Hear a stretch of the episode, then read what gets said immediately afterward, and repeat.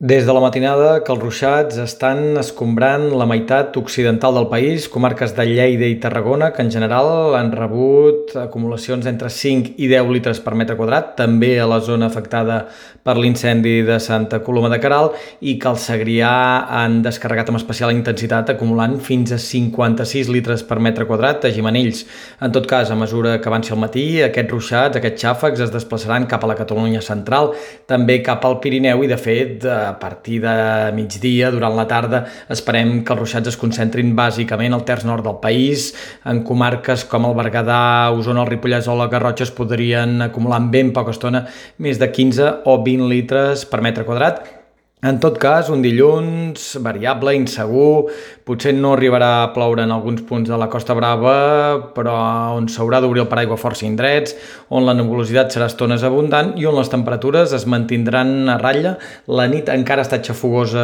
a prop de mar, però al migdia els termòmetres recularan 1 o 2 graus més que ahir i avui ben poques màximes passaran dels 31 o 32. Demà encara alguns núvols durant el matí, més sol a la tarda i de fet el cel bàsicament serè serà pràcticament l'únic protagonista fins a acabar el mes de juliol. Aquest domini del sol vindrà acompanyat d'unes temperatures cada cop més elevades. Demà el mercuri recuperarà un parell o tres de graus, dimecres un parell més. Sembla que aquest nou pic de calor tocaria sostre entre dijous i divendres, quan les màximes tornarien a superar amb facilitat els 35 graus als sectors més càlids del país.